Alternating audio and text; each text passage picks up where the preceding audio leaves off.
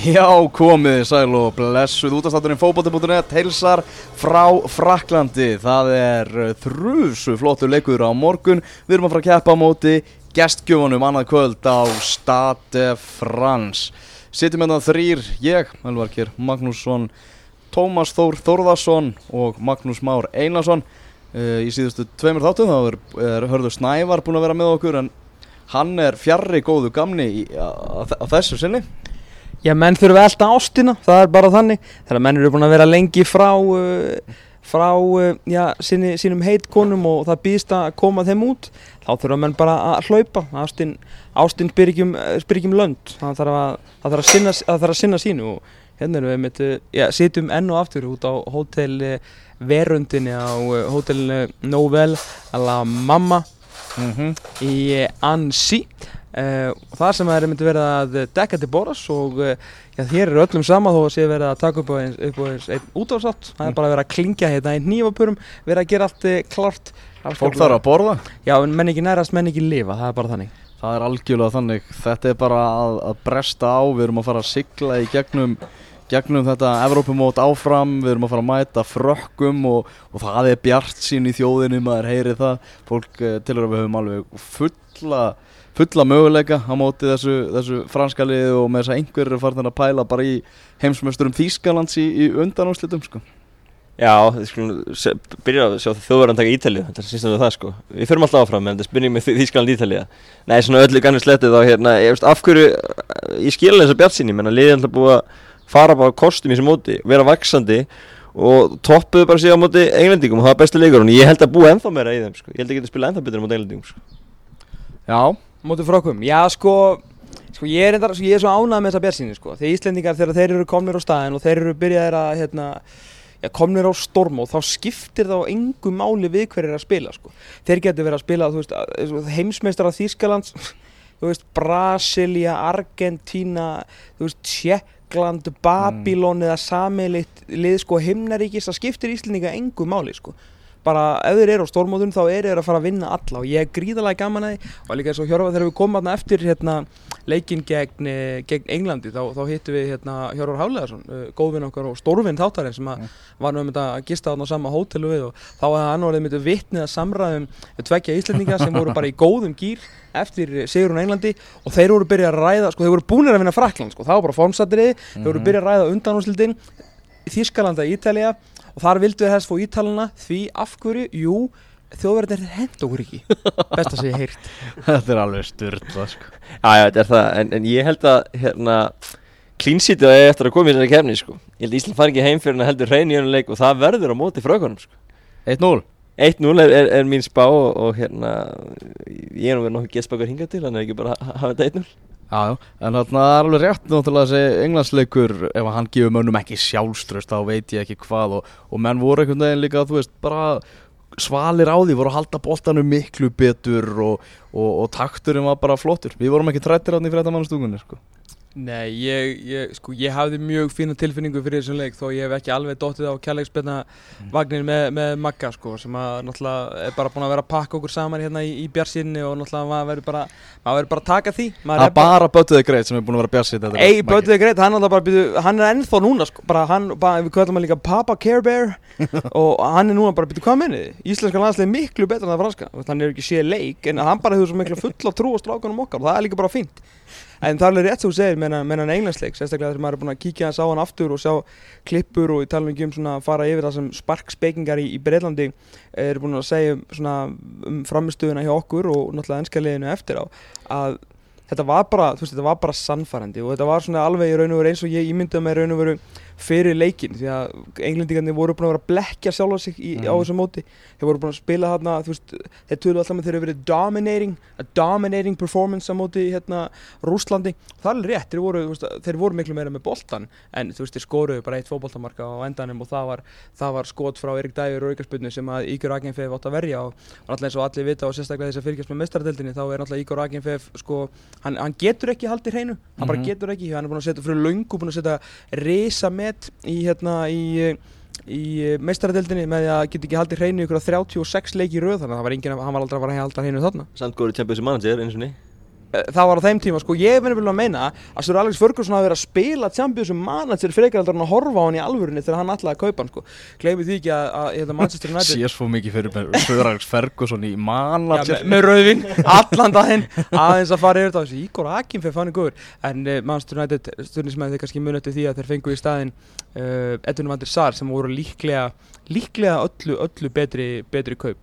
Uh, þeir voru bara að blekja sig einlendingarnir uh, Slóakjuleikurinn, við vorum nú á honum Hmm. þar voru þeir miklu meira með boltan Slóakarnir vörðust og vörðust og þeir gerði ekki eins og það sem okkar menn gerðu og tóku boltan niður og reyndi eitthvað að spila. Það var einstakar sinnum þegar að Marek Ham Hamsik fekk boltan og bara svona er að hljóp einn með hann eitthvað Og henni földu sig, voru í fyrirleik. Já, einu var í þvílíku fyrirleik. Þannig að uh, maður svona, ok, við getum alveg varast þess að Slovakia og við erum eigum eftir þennan leik þar sem við spilum actually okkar besta leik sem við gerðum eins og móti, móti hollendingunum. Þegar við getum létta eins af pressunni á liðinu á varnarleiknum alltaf að segja þegar Gilvi fær smá pláss og Gilvi fekk nóga plássi sem að bjóða þetta til sjálfur bara með að vera klókur og frábær fótboltamaður og þessi ennska miðja var bara having a laugh sko. Erik Dyer, þeir held að hann var sko, englendinga voru að tala um sem bara besta leikma mótsinn sko. Mhm. fyrir hvað, hann var bara að senda til hægri og vinstri bara í, í ykkur 270 mínútur á þess að gera nokkuð skapaða hnutt og hann er, var svo slagur að hann var sko tekin út af fyrir Jack Wilshere Jack Wilshere var í ennska landsliðinu á EM 2016 sko. hann er alltaf búin að spila mínútu í tvö ár sko. þetta er náttúrulega grín Hann átti líka að redda þessu sko, hann átti að koma inn á í hálfleik og bjarga málunum sko, það var nú það besta sko. Þa, Þá var manni bara ennþá meira létt sko, þú veist, þá, þetta hérna, maður var eiginlega ekkert smeykur og maður var aldrei smeyk, þú veist, alvöru smeykur sinnulegum Í austuríkulhinu var þetta, þú veist, var maður bara á tauginni sko. En þetta var svona einhvern veginn miklu, miklu En léttar það er bara, þú veist, Rói Hotsson bara einhvern veginn það mikið af gamla skólanum að hann bara, þú veist, hugsa bara, já, ég hendi bara liðinu inn og þeir berjast og eitthvað, ég nenni ekkert að pæla í þessu íslenska liði því að það virti verið eins og hann hefði bara ekkert verið að spá í okkur, sko. Nei, menn hann fór í alveg bara í siglingu í pari saman meðan Ísland-Austuríki var sko Mm. Og hann var skoða, þar og, sko og skoða Notre Dame, Já, kirkjunni. já, ég meina auðvitað fína skoðunarferði skilur en, en þú veist, hann var nefnilegt ekkert að spauði þessu Já, hann vissi að það var löng innköst og letur Rúni dekka kára orna Var ko- viljað séð honum. Nei, ég meina þú veist, við, við erum svolítið að hlæja að þessu núna. En hugsa ykkur hvað þetta er glóru löst Hann já. fer ekki á leikinn og auðvitað veit ég hann skoðaði leik eh, Veit ég, ég, ætla bara að vona það þeirra vegna. Það er ekkert víst Það er ekkert víst, það er alveg hárreitið að hann hefur skoðað hann leik.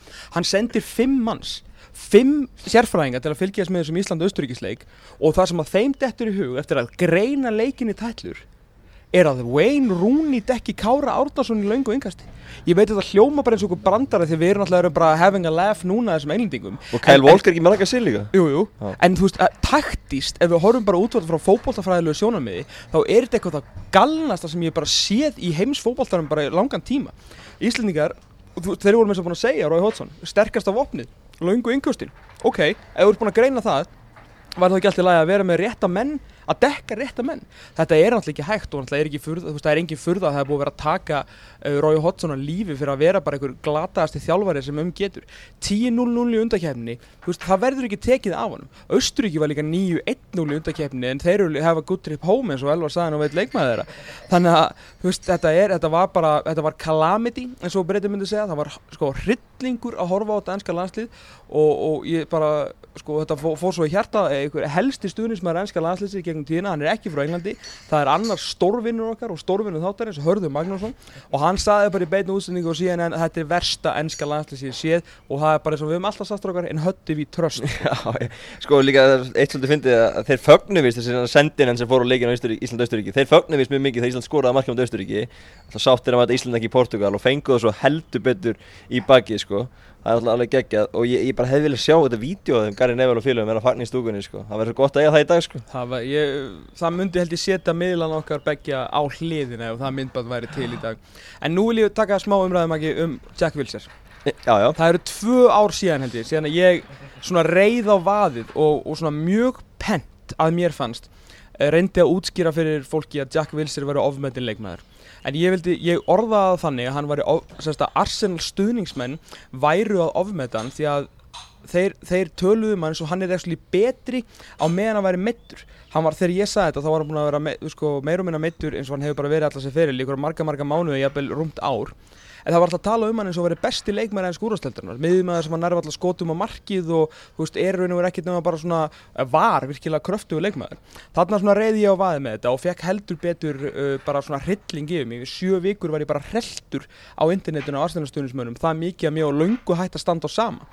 Uh, síðan svona ári setna þá kemur Pól Skóls góðvinn minn og, og svona tekur undir þetta með mér og fer svona að benda á þetta og svo núna eftir þennan leik segir Alan Shearer bara í beinni útsendingu í Match of the Day bara hvernig í veröldinni segir hann datt Roy Hodgson í hug að velja hann mann? Hann hefur ekki gæði til að spila með svenska landsliði og hvað, hvað hann hefa hvað hann eina hefur hann ekki spilað nóg marga fótballtamínútur til að eiga skilið sæti? Nei, alltaf leikformið er ekkert, gæðin er að vera meittu bara meira og minna undanfæran ár.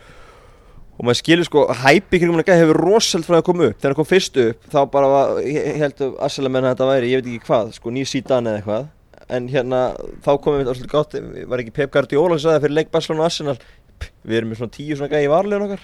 Já, og það er bara satt. Hárrétt. Það er bara sagan, sko, það hefur komið á daginn sko, maður til að svolítið vera að flagga þeim umhverfum aftur þetta er bara ákvæmlega sagan, Barcelona fullt af svona strákum það er ekkert merkildið hann að gæja sko. Það er og, og, og, veist, það, að- ef hann væri búin að tala um þenni mittur meira og minna og er bara hérna, að reykja vasspípu og, og, utanvallar og, í partíum sko, veist, það er það að betri fótbolta þá Það er nefnilega máli, að þú veist, þetta er gæði sem hafði klálega talent. Þegar hann kom upp þá voru allir hrifnir hann því að hann var svona, svona energiskur leikmaður með meiri tækni heldur en margur ennskur miðjumæður en hefur bóðið upp á. Hann var svona öðruvísi leikmaður, svona kannski á að segja teknískari einhvern veginn svona Steven Gerrard, þá er ég meina svona Gerrard var svona meiri kannski rosalega kraftur í honum og tók svona mjög powerful hlauphátt, já, tók allavega við hans skóruðtlettinni og okkur alltaf sá svo eitt besti bara leikmaður sem England hefur átt. Að meina svona Jack Wilson gett gert svona hlutur en kannski á minni fleti og þú veist var rosalega spennandi leikmaður en svo bara byrja hann að meiðast og meiðast og meiðast og hugsar ekkert um sjálfan sig. Hann, hver myndin á hann og eftir öðrum uh, hérna, hver myndin rak aðra í bresku miðlum þar sem hann er bara reykjandi síkó og jammand á ströndinni í einhverju svona smá vandamálum í engalífinu þó ekkert alvarlegt og ekkert með marga aðra enska leikmenn þannig að við látum það bara líka með til hluta. En í öllu þessu þá var bara eins og á meðan að aðri leikmenn voru að, hérna, út um allan heim að bæta sig og, og styrkja sig og hugsa vel um sig þá átti Jack Wilshere meittur að reykja síkó að bara stanslust að vera betri mánuður frá mánuður. Þetta verður bara mesta sjálfsblekking bara enska boltans og stuðnismenn Arsenal sem ég bara nokkuð til að upplifa. Og mér finnst líka gegja það, hann spila fegð tækifærna mútið Slovakíu, þú veist, þegar Rói var eitthvað að hristu upp í liðinu, sem mjög skýtið líka eftir og hann ekki bara spilað á besta liðinu sem er að vinna riðilinn. En hann var tækifær þar og, og, og hann var það á boltanum á mjög vondum stöðum og skipt út af þetta 50 okkar mínútur. Af ætti hann þá að vera frekar um Íslandi viku sinna hann að koma inn og berga málunum hvernig datt hann það í hug? Átti það allt í einu að lausnin þá viku senna? Því hann var svo lélur á móti Slovakíu en þá bara góður á móti Íslandi? Nei, ja, nákvæmlega og, rökin? og, og það er ekki þetta að kenna hérna, Jack Wilshere um þetta auðvitað segir hann ekki þegar hérna, Roy segir uh, já svo hérna kemur þú innan fyrir Erik Dyer Jack hann er eitthvað nei sástu ekki Slovakíuleikin ég, ég auglust er ekki til auðvitað segir það ekki hann er bara klár í slægin og þarna komum við aftur að hversu ömurlegur þjálfari Roy Hodgson er að hvað allan að þetta er lið sem var í neðsta sæti reilsins á HM í fyrra Já. þeir fengu eitt stig og þeir eru núna bara að hafa good trip home líka sko eftir að tapa mútið Íslandi í 16 úrslutum þar sem þeir komast upp úr reilinum eftir að nú eru einn góðan hálfleik á mútið Wales sem ég ætla að gefa þeim að var mjög góður. En Rói Hodgson er nefnilega að taka hann á fjögur um þetta ennska lið og gera bara ekki neitt. Nema bara, sko, í sögubókunum verður bara niðurlæng eftir niðurlængu, sko. Bara undakeppnis, undakeppnis Roy. Já, geggjur undakerni en svo var ekkert að fætta þegar stóru sig að komið. Já, þarna var ekki Glenn Hoddle sem var að tala um það að við varum að spila eitthvað forneskjulegan fótbolta íslenska landsliðið? Þa, það verður svo annað að, að sko maður spyr sig hvar svona ennskur fótbolti er í dag. Mm. ennsku liðin eru hægt að hérna, rúla upp meistardeldin eins og þau verður að gera fyrir svona áratug síðan. Þeir eru búin að vera í svona á barmi þessi þeir hættu nokkur sinnum að missa hérna, þetta fjórða meistardeldasæti út af árangur í Evrópu og svo eru sérfræðingan þeirra. Og veist, það er kannski ósangjart að vera að tengja sérfræðinga í, í, í, í sjónvarpi og útvarpi eitthvað við þetta landslið í dag en ég ætla bara samt að gera á því við þurfum að fylla hérna mínútur. Mm. ok. Þeir voru hver af öðrum sögðu svo heimskulega hluti að Mm. enska þjóðin sko hún fjall bara í stafi. Glenn Hoddle að saka okkur um að spila eitthvað 1980, þú veist 1980s fótbolta þetta er allt annað en það. Þetta er eins og mikil 2016 fótbolti og þú verður. Mm. Lars Lagerbæk og Heimir eru bara búin að búa til lið. Það, þú veist, er lið í Evróp í dag sem spilar meira eftir styrklingu sínum heldur en íslenska landsliði fótbolta? Svarið við því er nei Mhm. Þú veist, Glenn Hoddle er bara löngu útbrunni sem einhver þjálfari og verið að hafa hann sem einhvern sérfræðinga því hann þú veist, þjálfaði einhver lið hérna fyrir einhverju 15 ára síðan veist, þetta er bara, þetta er bara djó Mannum, mannum fannst svona, þú veist, við vorum að tala um það að Rói Hodgson hafi verið illa undirbúinn bara flestir af þessum ennsku sparksbyggingum þeir, þeir voru bara illa, illa undirbúinir og- Algjörlega og þetta er ekkert nýtt sko, veist, ennska pressan er alltaf bara skemmir fyrir ennska landslíðin og það er ekkert nýtt þannig, þú veist, þeir eru alltaf litu ótrúlega niður á Ísland og, og töluðu um hvað þeir eru mikið hryllingur að myndu tapa og þeir myndu nú vantilega að vinna leikinu og svona, svona mist mikið eftir hver, hvernig þú talaði við, hvað, hvað síndu Íslandliðinu mikla virðingu, en svo er svo hotlul sko, og svo er eitthvað að orða hann aftur við þjálfaratöp í ennska landslíðinu, erum við eitthvað klikkaðir eða? Gareth Southgate, bara hann er að fara að taka við Nei, hann har bara neitað, hann endið ekki eins og sko. Já, hann endið ekki Nei, en hérna, svo er líka þannig sem var að lýsa á ITV með Glenn Hoddle, hann toppaði þessu nú, Clive Tilsley, þegar hann líkti Íslandi við San Marino. San Marino Ja. hefur ekki unni fótballleik, fara árið 1993 og þeir eru með, með sætur með 200 heimslistarum. Hvernig óskupum ætlar að bera það saman við Ísland? Úst, þetta er bara og að bera sko saman England við eitthvað sæti sem, er- sem er 180 heimslistarum sko. Það er jafn, jafn fjarlægt sko. Football is coming home, early as usual Já, football is coming home to Iceland sko. þú veist, þetta er bara grín svo Steve McLaren alltaf sem þú veist, þetta er alltaf of gott, Wally with a brolly eitthvað mesta failure bara í sögu ennska landslisins og eru nú margir þar í beinni hann og skæ og bara ennska liði bara búið að vera frábæra síðan að hérna, Íslandingarnir í öfnu á hvaða leik ert að horfa Já. svo bara eina sér hafa er þetta The Big Boy Sigþórsson mark. Þú veist, gefa hann það, hann var endar að rósa Sigþórsson þegar hann tróð einu marki í andliti á honum. En þú veist, ef að þetta eru sparkspekingandir og gleymi því ekki að þetta eru fyrfirandi landslistjálfarar Englands er það fyrir þetta lið gerir anskotan ekki neitt? Hann er ekki sem betur maður að kaupa Sig Thorsson til Newcastle frekar en uh, Mitrovic sko. Það er líka hjálpað hann held ég meira í barnum sinsta vettur sko.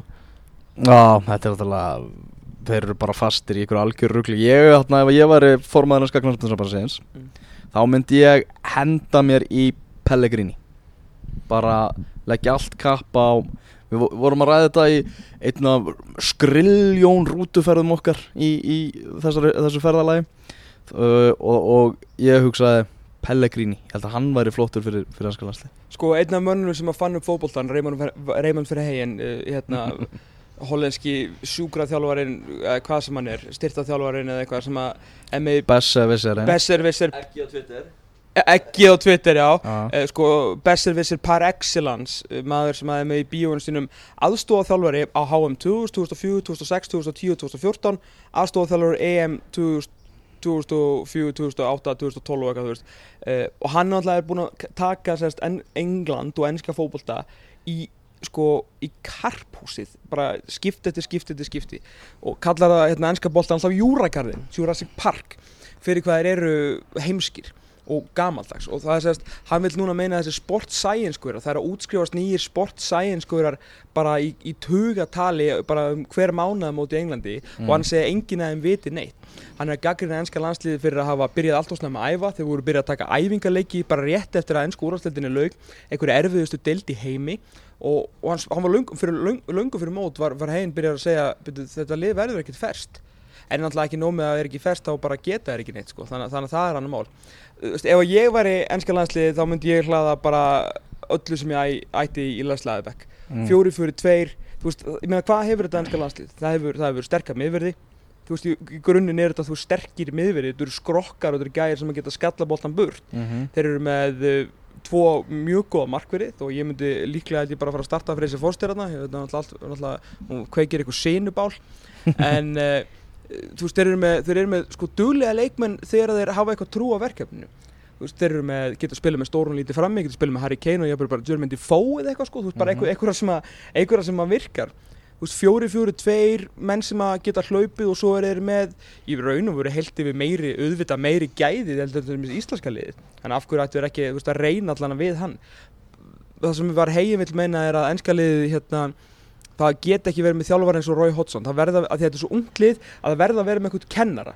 Roy Hodgson sé, sé þjálfari sem getur tekið lið uh, þar sem að leikmyndi bara sjá um þetta fyrir veru þegar það er komið Mhm. út á völlin en þarna er þetta bara svo ungt enslið núna það verður að vera eitthvað sem að kennir þeim fótbolta og það er Roy Hodgson svo sannarlega ekki að gera og, og þú veist bara guttir rittis fyrir þá að þessi gæði sé farin Ég er líka að spyrja mig með þessi karatisenginin hjá þessu ennska liði sko. Veist, það vantar svo mikið leiðtóa bara alvöru menn í þetta lið Við erum alltaf rétt að það er, það er, þetta er ekki, það er ekki svona drivkraftur í liðinu svo, svo var Hafsetarnir er ekki dóminarið á vellið, þú skilur hvað að fara þú veist, í, í að þú veist, tala og rífa lið í gangi menn eftir markið mot Íslandi þá voru þeir bara í sjokki sko.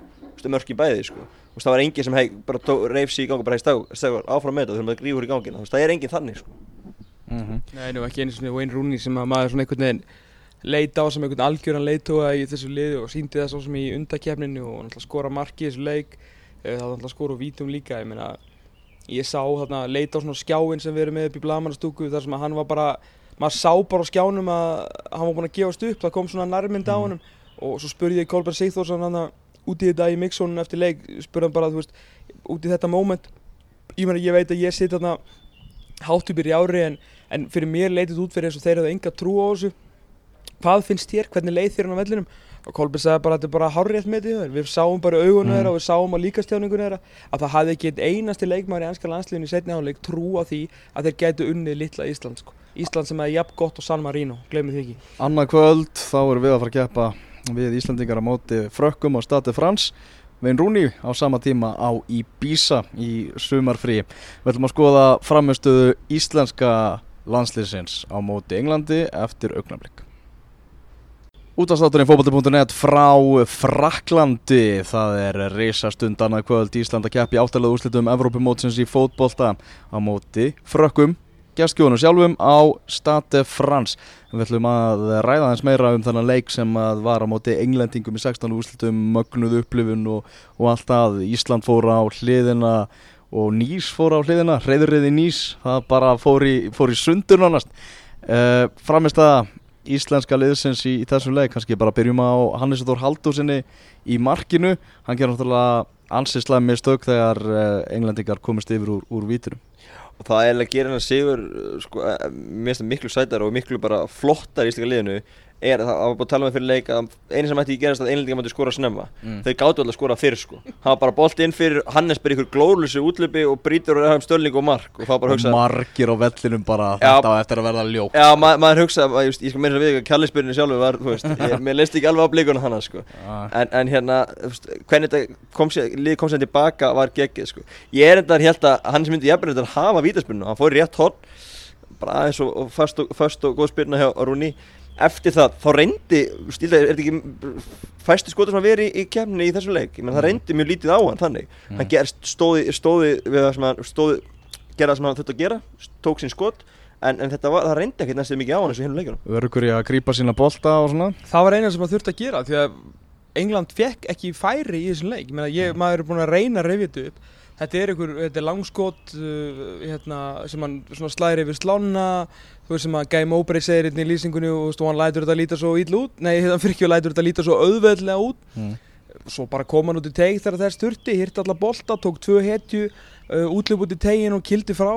Annars var þetta nú bara í heldina ótrúlegt en satt og segi kannski mikið um varnarleikir sem við verðum alltaf að förum hérna yfir eftir nokkra sekundur bara tilturlega þægilegu dagur á skrifstofunni og Hannes Þór Haldurssoni sem segir allt sem segja þarf um frammeðstu mm. íslenska liðsins. En það er svona, þú veist, stert karaktersengjarni að hann gerir þessi mistök svona snemma og svo virðist það ekki hafa neina áhrif á sjálfströstið honum Þannig að Hann er bara núlstilla sig aftur og, og, og hýrðir alla bolta sko. Hann var náttúrulega einum sko rassadetti hjá Marka Ornatovits frá því að fá á sig sko YouTube mark heimsins. Já, já. Það haf- Ísland heim sko. Og sendi Ísland heim. Það þakkaði bara trösti í setni hálfleik og varði einna móti manni hérna frá David Alaba eða hvers það var þú veist, og bara held liðinu bara inn í leiknum og basically sendi okkur í, í 16. úrslitin sko. mhm. þannig að það þarf ekki að efast um karakterinu og Hannes Þór Aldurssoni en það gerir það ekki nokkuð maður Ég hef engar áhyggjur eftir, eftir vítið að hann myndi verið í ykkur vesinni Ég vissi að hann myndi rífa sig í gangi til þetta sko Þú veist, það Þetta var bara eitt smá áfall og svo bara áfram sko Mhm. Við erum alltaf að reyna að tróða að rakka sig í, í Premier League eða einhverja risadeild og við erum svona búin að takast eh, svona stíga skref í áttaði Ég var að leika með ennsku blaðmennina sem að tala við lofs, að lofsingja rakka sem mest sko til að koma honum sem mest í umræðina svo stjórnarnir bara heyrðu, við þurfum að fara að kíkja betur á þennan guður sko. Menna, en allir sem sá hennan englansleik hafa bara hugsað, heyrðu, ég vil hafa þennan guður í, í mínu liði Þetta var rosalega þess að tala um Ef þessi hjólandspinn hefði dóttir líka sko Þá hefði hann bara sprengt alla einhvern sem eru til í heiminum sko. Þú veist, Hafsens skoraði tvö mörg og bara sko Fór gjössalega kostum sko Vann alla skættabólta Átti og tæklingu á mótsins stæklingu mótsins þú veist, bara, Hann gerir allt í þessu leika heila sko Það var bara eina á hjólandspinn myndi þetta sko. Og hérna Við erum að færast nær með þetta Með þetta hérna Englands move. Ég, ég ætla að vona að hann fari, fari í Hefur aldrei spilað illa í landsleik, rakki sig. Það alltaf í undakjarninu og úsleikjarninu ég vona bara að fara til Englands í sumar og ég meina, hann vil þetta Liverpool, er það ekki fík kostur? Já, þú ert liðbólmaðum ekki, þannig að segð þú mér, hvað hva, hérna starta, myndi Ragnar Sigursson bara nú þetta taka bara allt Íslands hjarta úr þér og setja því liðból hjarta sem er ekki mikið mála sem að það er náttúrulega fóðrað á húsið eh, Ragnar Sigursson fór liðból hvar, hvar er hann? Startar hann í Premier League eða er hann í, í, í miðurvara teiminu, glemir því ekki, það er engin Europakefni, færi leikir en það er samt henn stránkheðila deild, deildabikar og, og byggar og svo náttúrulega líka bara meðasmenn og svona. Já, já. bara, ríf, bara rífður úr Íslands hjartað inn með Leopold hjartað og, og segja okkur að raggi fór Leopold Sko, horfum aðeins fyrst bara á stöðunum svona núna Liverpool, Kolotúra er farin Martur Skörtur er að fara, hann er bara farin að kalla hérna Jörgen Klopp, einhver millilunni í fjörmjölum eitthvað, hann bara á Instagram segja hann er bara að fá nóg. En það gæti hann ekkert að fækja spilnandi hjá hérna Klopp. Uh, Dejan Laurinn er hann eða þá Sako er ennþá en hann er bara í einhverju lífaprófspanni og einhverju ströggli sko. Þannig að það er einhverju Löfren og Joel Matip sem kom frá Sjálki Já. á dögunum. Ragnar Sigursson er betur en Dejan Löfren Það er þannig. Það er þannig.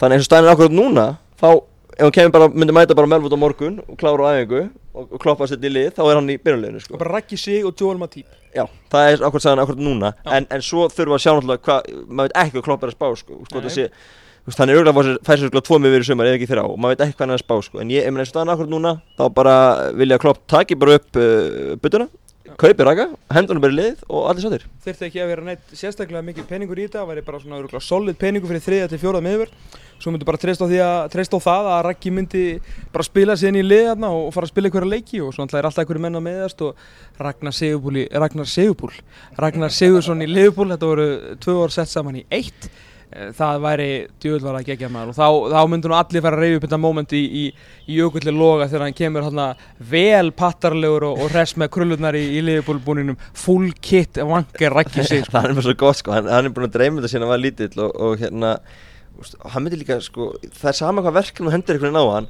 hann leysir það alltaf. Þannig ég held að myndi bara myndi vaksa með verkefninu og myndi bara standa sig í Englandi, ég er ekki nokkuð með það. Það þarf að senda hérna almenna fréttamannin Kolbe Tuma í það núna bara er ekki verið að skýra bara annað hvert þú veist, annað hvert dreng sem er að fæðast núna á Íslandi bara Ragnar, Ragnar Lars. Ragnar Lars, já, Þa, það er nafni núna sko. en þú veist Raggi sig fær náttúrulega alltaf, alltaf aðeins meira hól heldur en Kári Átnason mm. Og það er allt í lagi. En þetta samstarf þeirra tveggja Mm þú veist, í evróskum fótbolta í dag, hvort sem við horfum á félagslið eða landslið þú veist er þeir eitthvað mikið neðar en bara topp 5 Þess að þetta er svona áhugavert að það verður búin með fjóra leiki á EM. Menn leiksins í, í þessum leikjum mm. eru Hannes Altórsson, Já, Ragnar Sigursson Kári, Kári. Átnarsson og Ragnar Sigursson það er bara, þetta er eins og fjárðabið hérna undir Totta, hérna, hinn heilaði þrýetningur það er Srætan, Haugur, hvað heit hann hérna, Hungu, Haugur, Ingar og allir hérna, Óskum er að blanda fjárlega með 2006 á íslenska landslið ég veit ekki. Eh, eh, Hvort er, hvort er galnari samlíking? Sú Ég- samlíking að San Marino samlíkingin sem við tölum um? Nei, ég meina, þú veist, við erum bara að tala um bara heilaða þrýetninga bara, þú veist, ég meina, á öðru level, skil ég er ekkert að segja að Haugur, Ingar og félagi getur mætt með henni landsliða, ég er bara, þetta er bara svona þetta er minn þrýetningu, því að þeir fengu ekki á sig mark. Já, Daniel Moritz er örugglega mjög ánæður að hlusta núna í, í, í París. En við erum nú bara aðeins að sprella hérna strákarnir, sko. En svona, á, no joke Maggi, bara þú veist þetta, þess, þetta miðvara samstarf þeirra og það sem þeir eru búin að gera gegn öllum þessu stór, þú veist, þe- þessi gæri eru bara, þeir eru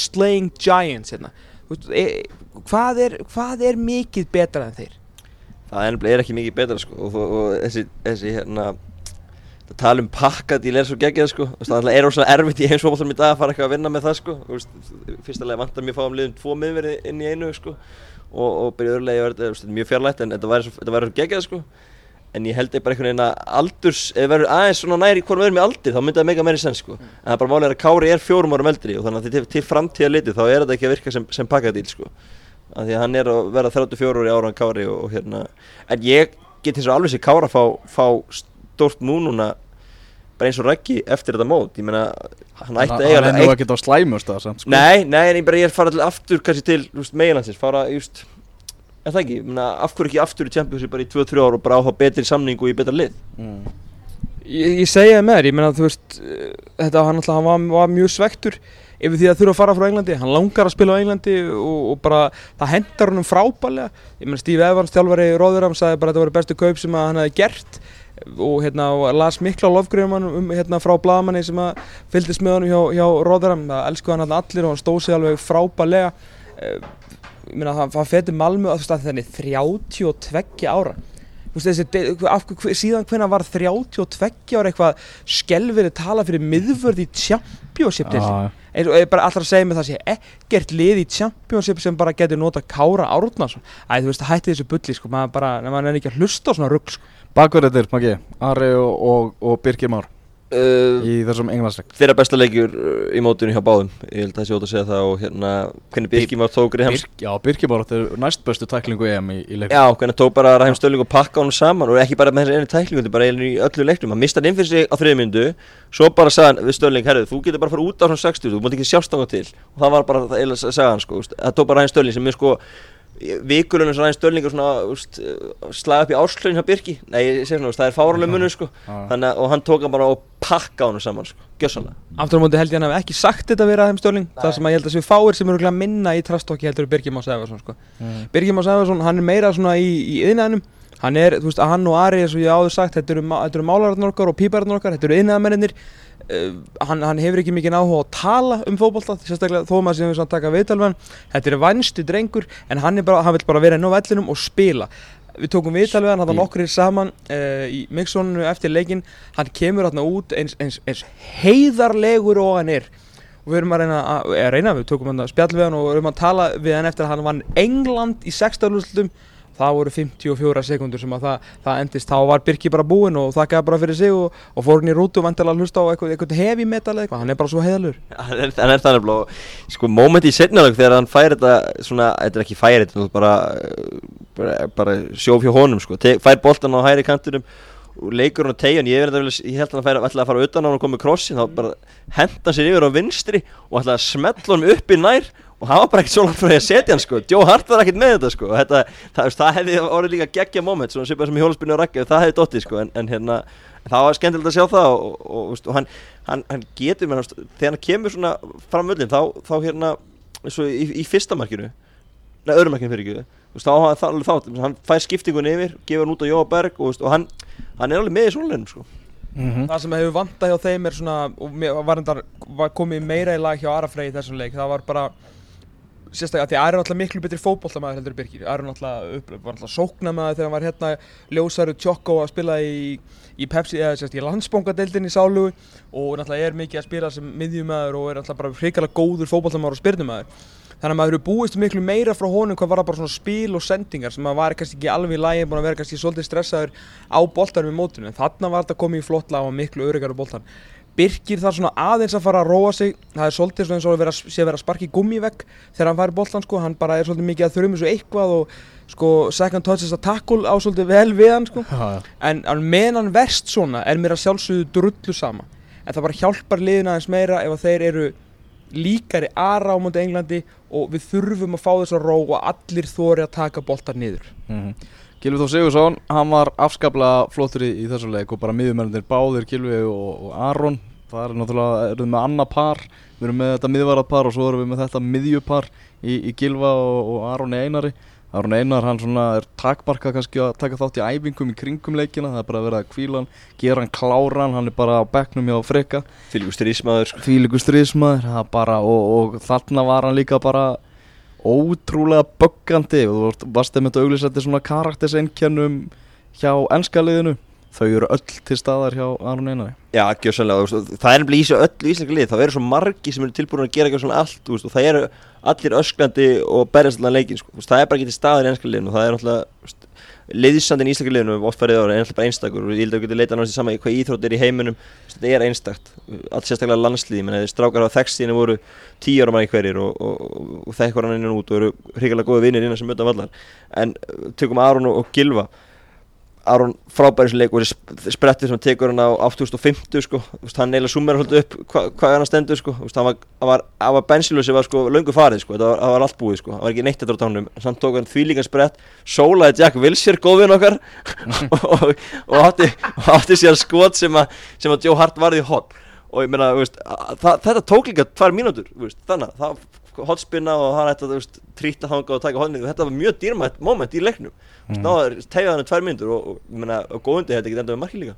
Mhm. Sko Aron Einar Gunnarsson uh, til að taka hann aðeins fyrir fyrst á hann fyrir mig Gilva Við erum náttúrulega búin að vera sko svona minn á eftir, sjálfsög eftir, eftir Kára Átnarsinni og, og Kolbeini og, og Solva og þessum svona sem að, sem að ég bara náttúrulega verða, verða að vera uppáhaldsleikminni mínir í þessu liði.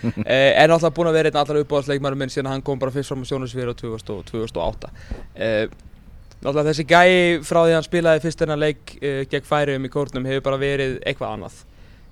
Hann, þetta er þetta er einhver mestir leiðtói í, bara íþróttum í dag vil ég meina.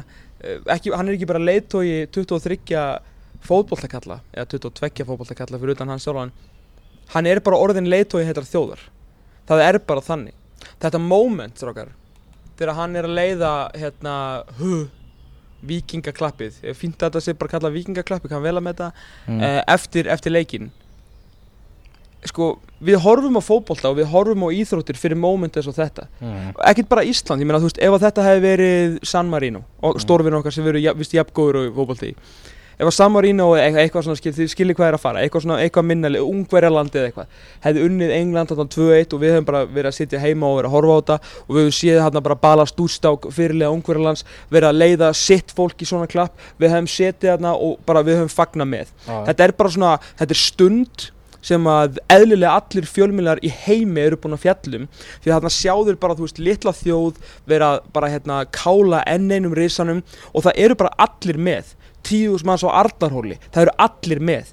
Þískaland núna, bara þjóðu ykkur þísk vefsíða búin að henda upp að bara vera að sapna hérna í hu á, á netinu. Það eru allir með. Og það er ekki síst vegna þess að þessi hel flúraði vikingur og bara og karakter frá, með skeggið bara þú veist hann er mættur til bara mættur til Fraklands til að ræna og rupla stegum og koma þessu liðins langt og hægt er og horfa á hana taka þetta af svo mikilli innlefun þetta er bara þú veist þetta er moment sem við munum aldrei gleyma á meðan við lifum. Það er bara þannig. Farði, farði Gilva eins Gilvi Sigursson og það sem okkur vantaði í þessu, í þessu móti var það sem að Gilvi Þór Sigursson var að, var að gera þessu- í, á móti Englandi.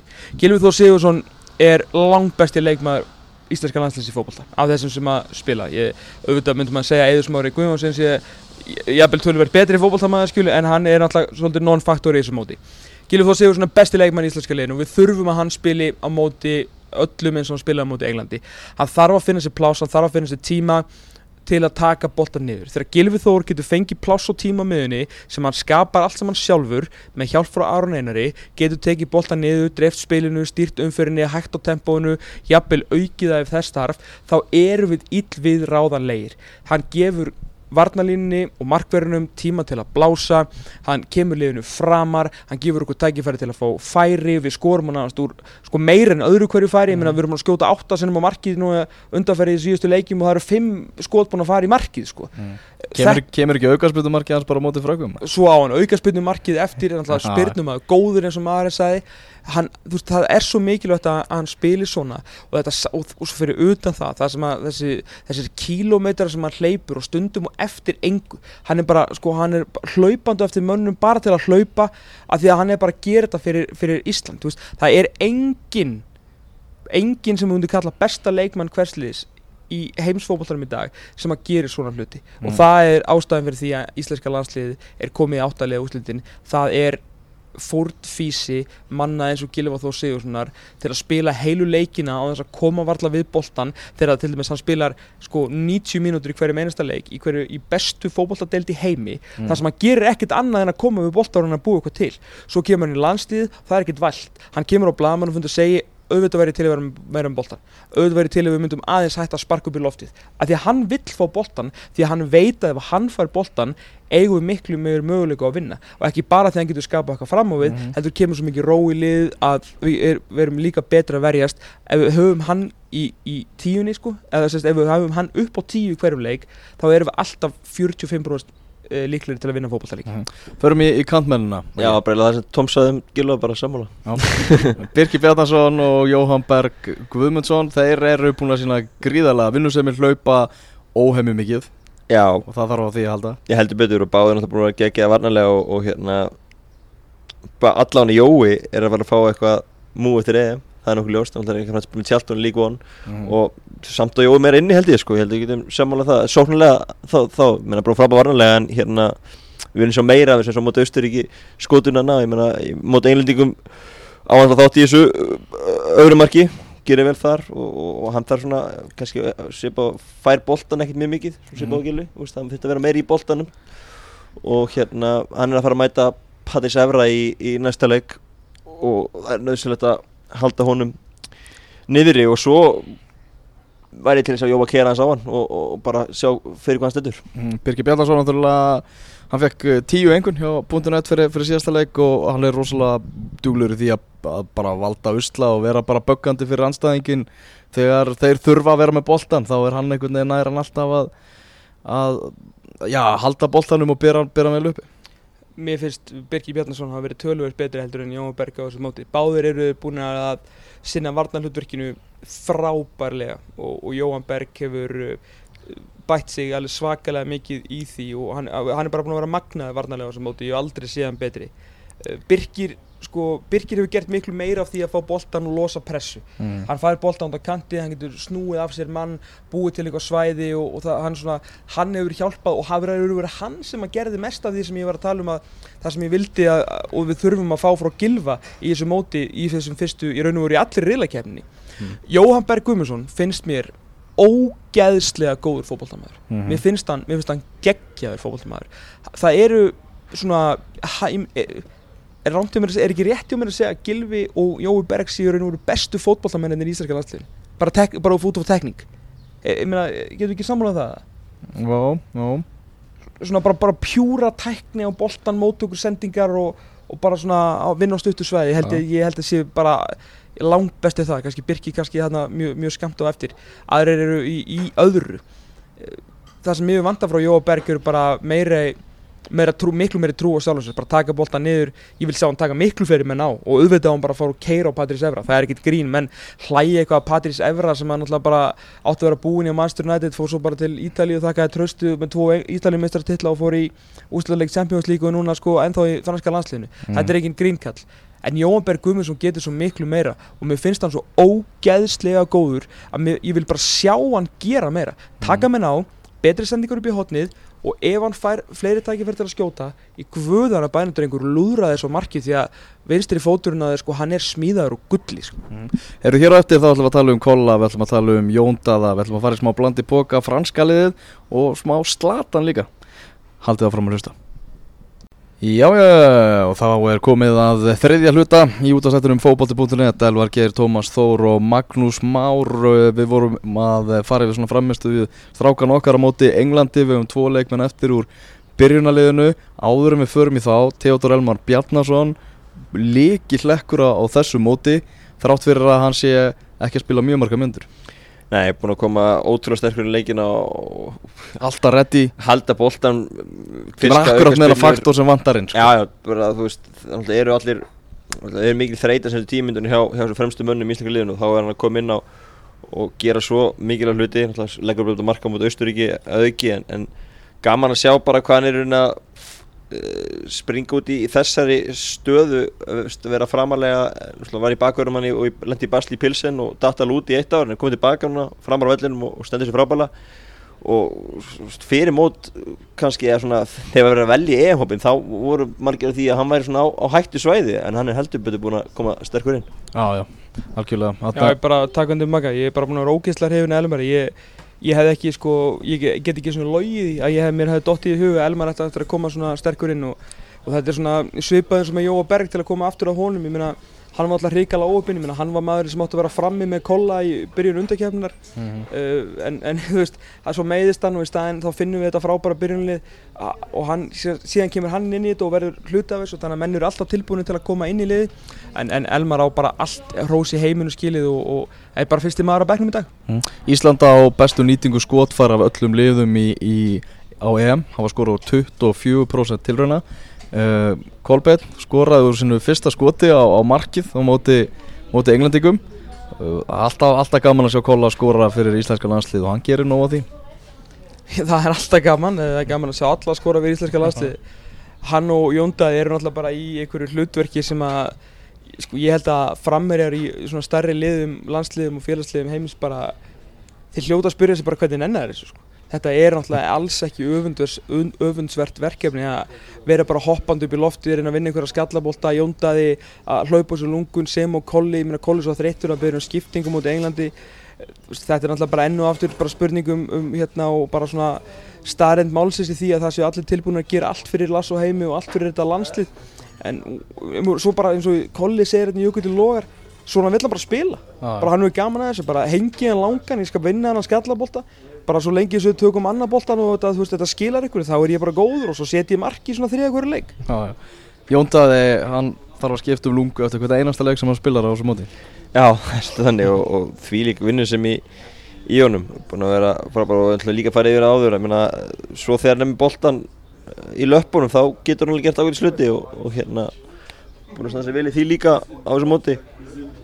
Hann alltaf eh, leggur upp þetta mark á, á kolla geggjur sendingar þetta gilva inn á Jónda lítið búið að fara fyrir því en svo sending er rosalega flott. Og Jónda laumar um að kolla sem skorar og, og þeir báði bara því lík vinnusemi og og bara upplýðir í, í loftinu báðu tveir. Eh, líka þú veist, þessi gæi komandi fyrir, kemur bara frá sjálfur og honum er alveg sama hvað hann er að keppa móti sko. Veist, það er ekkit, og hann er, keppa, er ekki vanið að vera að keppa móti þessu stærstunum í heimi þannig er bara í bjöldinni í Þísklandi en þá var þar á undan í, í, hérna, í er að Hefur verið að gera það með landsliðinu? Já, ég já, en ég að það- er svo bara móti Hollandi fyrir tveimur árum og, og svo núna móti Englandi, veist, hann er bara jafnvel bestur þegar hann mætir þessu stærstu köllum, sko. líka bara hvað hann veist, hann er svo ófyrirleitin í sinni nálgun eins og góðum maður myndi Já. segja. En það við líka búin að fá svo mikið úr þeim. Þeir eru búin að hlaupa sér lifur og lungu þeir eru búin að vinna fleiri skallabólta heldur en bara mörg landslið vinna á heilu ári. Svo eru báði búin að skila marki annar segumarki, annar náttúrulega kemur okkur yfir gegn Östuríki og þú veist, þeir eru ekkert, við vorum svo ekkert að búast við að þeir myndi raða inn. Við værum kannski svolítið svektir að þeir væru ekki búin að skora. Þeir eru báði búin að skora. Við erum búin að uh, fá alla þessa vinnu frá þeim og bara Jóndaði hefur að mörguleiti sko, af því að sko Kolli er náttúrulega bara í þeim bransa raun og voru að vinna skallabóltana það Jóndaði er svona á að gera raun og voru á að gera og er að gera meira þegar að fara boltan í lappirnar og er að gera bara fína hluti því við sáum kannski minnaði á móti Englandi, hann var betri í reylakefni en það var bara fínt að hann pekið það aftur upp á, á, á, í Paris á sundaginn sko. mm. Annar tölfræðipunktur, íslenska liðið hefur hreinsa boltan úr eigin vítateg oftast allra liða 139 sinnum Ja, við verjumst líka svolítið mikið Við verðum svolítið mikið á þessum móti, það er bara þannig Frakkarnir, þetta lið sem við erum að fara að mæta það er alveg svona þeir eru ekki með sitt allra sterkasta það eru meiðsli og, og leikbönn sem er að spila inn í hjá þeim Já, og það er nefnilega að fara að tröfla þá svolítið held ég. Ég hérna, Engóla Kanti er náttúrulega er ávið þrjáðan á miðinni í sínum hlaupum og það er fínt uh, á móti tekja manna miðin okkar að, losna við hann. Hann er náttúrulega óþálandi, hann er út um allt sko. Já, Og hérna, spyrjum bara hvernig þið leysa, úst, er Johan Kabaya að koma inn, úst, það er ekki næstu mikið liðið fyrir honum. Eða er, er Paul Pogba og Matuidi að fara að spila uh, fyrir aftan og, og uh, Grísmann fyrir framann. Það væri líka allt í lagi, menn þá er f- uh, lengra frá markinu og ekki ef sóknulega hluturki.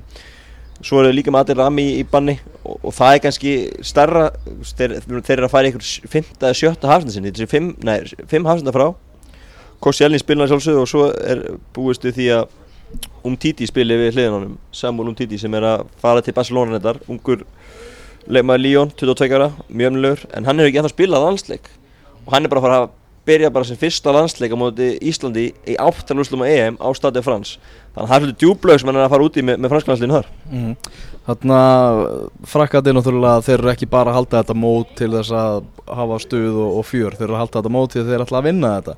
Og þeir hafa nú áður unnið, unnið móta á heimaðalli var gert á tveis á sinnum uh, bæði 84 og 98 þannig að þeir svo sem þekkja það og þetta er svona þú veist, þeir eru ekkert búin að vera að spila neitt frábælega samt þeir eru að vinna fótballtaleiki þeir, uh, þeir eru að skora seint í leikjunum, þeir eru með að skora snemma.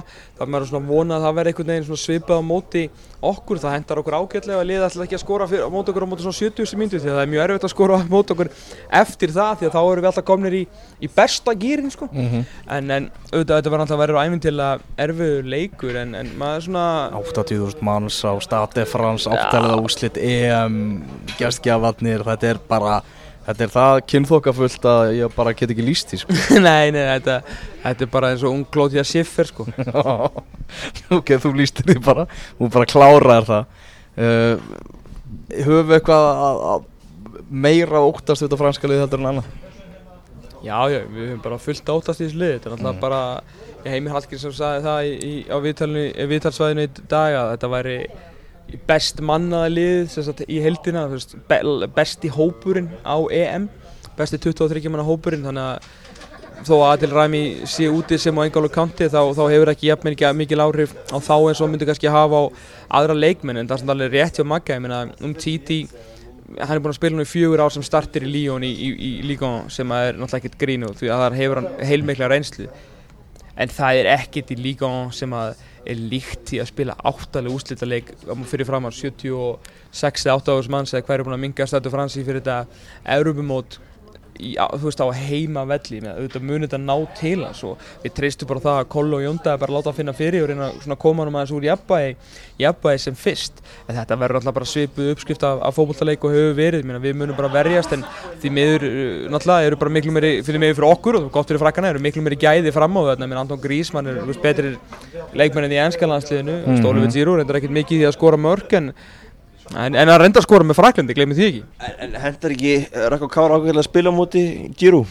Ég held að það sé geti alveg verið, þú veist, menn þeir eiga að- hafa hann í loftinu, þú veist, Giroud er mjög öflug í loftinu, þeir, þeir eiga samt að hafa hann og, og þú veist, tæknilega sé hann ekkert geggjaður, þannig ég, ég held að þú veist, þeir hendi bara ákveðlega að hafa, hafa hann, en, en hins vegar hræðist í Grísmann mjög mikið, hann er frábær leifmaður og, og getur valdið mikið nusla. Mhm. Þetta verður þrjusu flottur leikur sem verður annan kvöldan og líka, líka ansi, ansi flottur leikur sem er á dagskrá í kvöld, Maggi. Já, þjóðverðin er á móti ítölunum Mm. uh, Það er náttúrulega Ítalið er búin að koma skemmtilega óvart í þessu móti náttúrulega flesti byggust við þeir myndu bara líka móti Belgónum í fyrsta leik, þeir bara pökkuð þeim saman Mm. svo komum við móti Spánverðunum í sextáliða og, og tókum þá líka bara og samfærandi og, og hérna Antonio Conte er búin að búa til flott liðana og í, þetta getur verið hörkuleikur ég svona Buffon búinn að vera mjög góður í, í markinu en svona Conte er eiginlega bara st- stærsta stjartan í liðinu, það er eiginlega bara þjálfarinn. Já, hann náttúrulega er, að fara til Chelsea eftir mót Ég get alveg sítalan að gera eitthvað í kvöld á móti, móti þjóðurinnum Ég er ekki því sem að þjóðurinni takið hendina Mm.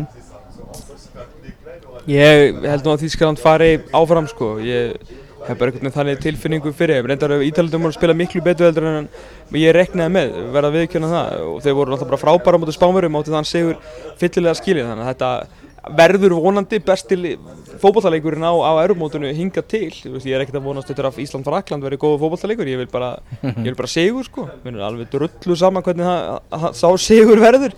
En, en Ítalija Þýskaland er eitthvað svona við erum nú ekki búin að því miður geta séð nógu mikið af þessu móti vegna, já, vegna starfa okkar hér í, hér í Sífeldur að starfa og ferðalaga. já, og ferðalega ekki síst að nógu ennú að gera en, en þetta er svona leikur sem við hugsaum okkur nú gott í glóðarinnar og, og fá okkur nú kannski hérna, eh, kannski dreitilega við ykkur með og, og horfa á eitt góðan fótballtaleik Eitt hélaðan snilling, jafnvel. eitt hélaðan snilling með bublum Við bublum er í slafskála vel að það.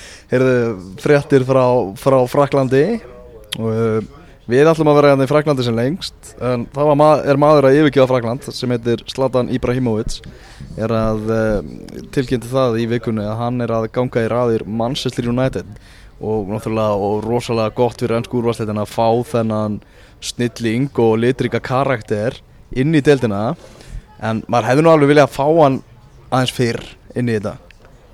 Hvað er gammal mæki? Þú þú ert góður í árum 34 ára gammal að koma í, í Premier League. Ég, ég veit ekki með þetta, ég skil vel að Manchester United stundismenn fagni gríðarlega því að hann er alltaf ógæstlega góðu fótballtamaður Já, já. þetta er karakter og ekki nómið það að þessi karakter er ógæstlega góðu fótballtamaður þá elskar hann Jose Mourinho sem að er mikill sem er mjög mikilvægt fyrir svona þetta þennan uppbyggingafasa sem að Mourinho er að fara í með þetta gæði sem að saði í viðtali sem er búin alltaf búið að vera að reyfi upp í vikunni að, að hérna, fyrir suma þjálfara bara nefnt hann ekkert að gera og var alltaf sjálfsögð þá að tala um Pep Guardiola.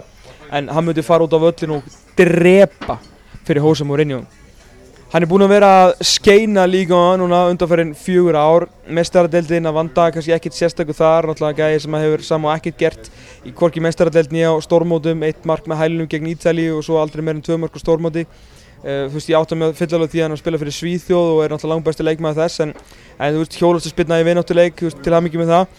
Uh, þú veist, ég er ekkert að gera lítið úr Zlatan Ibrahimovic, þú veist, hann er búinn að vinna einhverja tíu landskeppnir í röð og, og það er náttúrulega magnað afreg eina spurningin sem að ég bara vil setja er 34 ára gammal leikmaður í Premier League en, en annars er, er ég mjög ánæður fyrir stundismann á mannstunum Þú tala náttúrulega um viðnáttu þarna Zlatan og Mourinho þeir eru vantilega að fara að spila þetta þannig að, að Zlatan er ekkert að fara að spila náttúrulega hverja einustu mínúti það er vantilega dettin leikir þar sem hann er bara algjörlega kvildur Já, já, algjörlega, hann er náttúrulega líka hættur núna með sænska landsliðinu til að fá meiri kvíld og hérna fyrst og finnst bara fagnar ég að fá Karatin Zlatan í hanska bóltan það þurfti náttúrulega að gerast ára með leika skruna hillina og líka bara Zlatan og Mourinho í sama liðinu það er tveir rosalega karakter komin á Old Trafford og, og, og gerir þetta mænstur nættili svona miklu meira spennandi fyrir næsta tímafél heldur en að væri á liðin tímaféli Nú erum við að tala um Conte, að fá hann í, inn í deildina, að fá, fá Guardiola, að fá Mourinho að mætti allt einu á Old Trafford. Maður held að myndi ekki gera það fyrst að, fyrst að Moisarinn tók við að Ferguson. Þetta er, þetta verður alveg afskaplega spennandi tíma, tímabil og, og finnst að þetta er að byrja nánast bara daginn eftir að þessu Evrópumóti líkur Já, sko. það er, er engi pása við rétt komist heim vonandi komist við í, í, í sumarferðin okkar. Við gerum þannig að þetta er ekki ef að Maggi og Kjellinsbyrnir er alltaf að vinna Frakland þá er sumarferðin okkar úr, úr sögunni en við tökum það reyndar alveg. Undan úrslitt frekar en einn ein, ein, ein ferð út á land skiptir með engum máli en, en stuttu eftir það þá er bara, erum við dóttir í hérna í Manchester United Galatasaray í Svíþjóð og einhverju finni leikir í, í bandaríkjanum sko. Já, við getum sagt okkur, sagt okkur að haft það sem ákveðna sárabót ef við föllum út á móti frökkum þá erum við alltaf á leiðinu austur. Já, þá erum við á leiðinu austur sko. Við erum að fara á leiknir Fáskrúsfyrði Keflavík Já. og Hugni á móti, móti leiknir Reykjavík Eldur betur og, og, og eistna flug ofan í það eistna, og komum við á, á Mývatni og horfum þar á, á undan, horfum við horfum ekki á Maggi fyrir ekki við verðum alltaf það verður ekki það sem ferð, við erum að fara undan fyrir ekki Maggi minn Það er bara svona ef það væri ferðin. En, Vist, en hún verður þá bara farin á næsta Ég var líka með, með, með afturlíka mútið hetti hérna sama dag á lögadeginu menn það er bara vist ekki að fara að gera það sko. Vi, Við verðum með það nútið sko. Við verðum með það hérna úti. Það sem er í gangi heima Pepsi-deltin hún er náttúrulega algjörlega fallið í skuggan Það er eins og sem verður að spila þessa delt meira á skildurækni heldur en hitt meðan, meðan Evrópumótið er í gangi. En hún mun vonandi ná að flýja aftur uh, hvað var þar áhuga og áhörvendamæting og allt það þegar Evrópumótinu líkur uh, þegar bara úslítaleiknum líkur vonandi. Uh, en vegna þess að náttúrulega deildin er alveg, alveg störluð og bara ótrúlega skemmtileg og bara fáralega óvænt tíðindi í hverju einustu umferð. Það eru nýju umferðar að baki.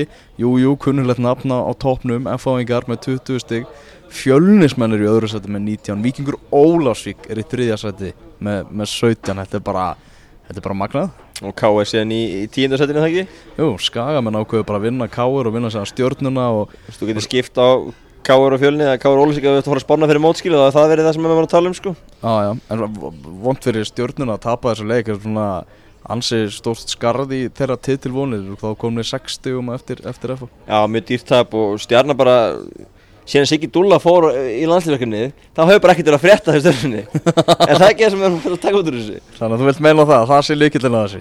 Allan að passa tímastengar þannig, allan að senjasta mánuðin hefur stjarnar gert mjög lítið sem orðað þannig. Og hvað tegist Dúllun eða ekki þá, er, þá hefur stjórnunni Og, síð, og síðan Friðger byrja, byrja að fara alltaf hérna til nákvæmlega, alltaf Alltaf ruggli á káar. Hvernig er keflaði ekki að ganga með Rúna Vívill Það?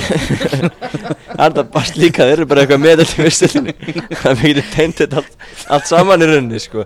Það er ástæði fyrir öllu saman En, en, en stjórnliði senast á mánuðin Þeir hafa bara unnu, unnu Íbjaf og unnu Ólandsleiki í Vító í byggjanum Bara einhvern sexu leikjum Það er valla verið að vinna fókbaltaleiki Og það er ótrúld með hana mannskap Og sérstaklega þess að byrjun, þeir byrjuði mótið mjög vel mm -hmm.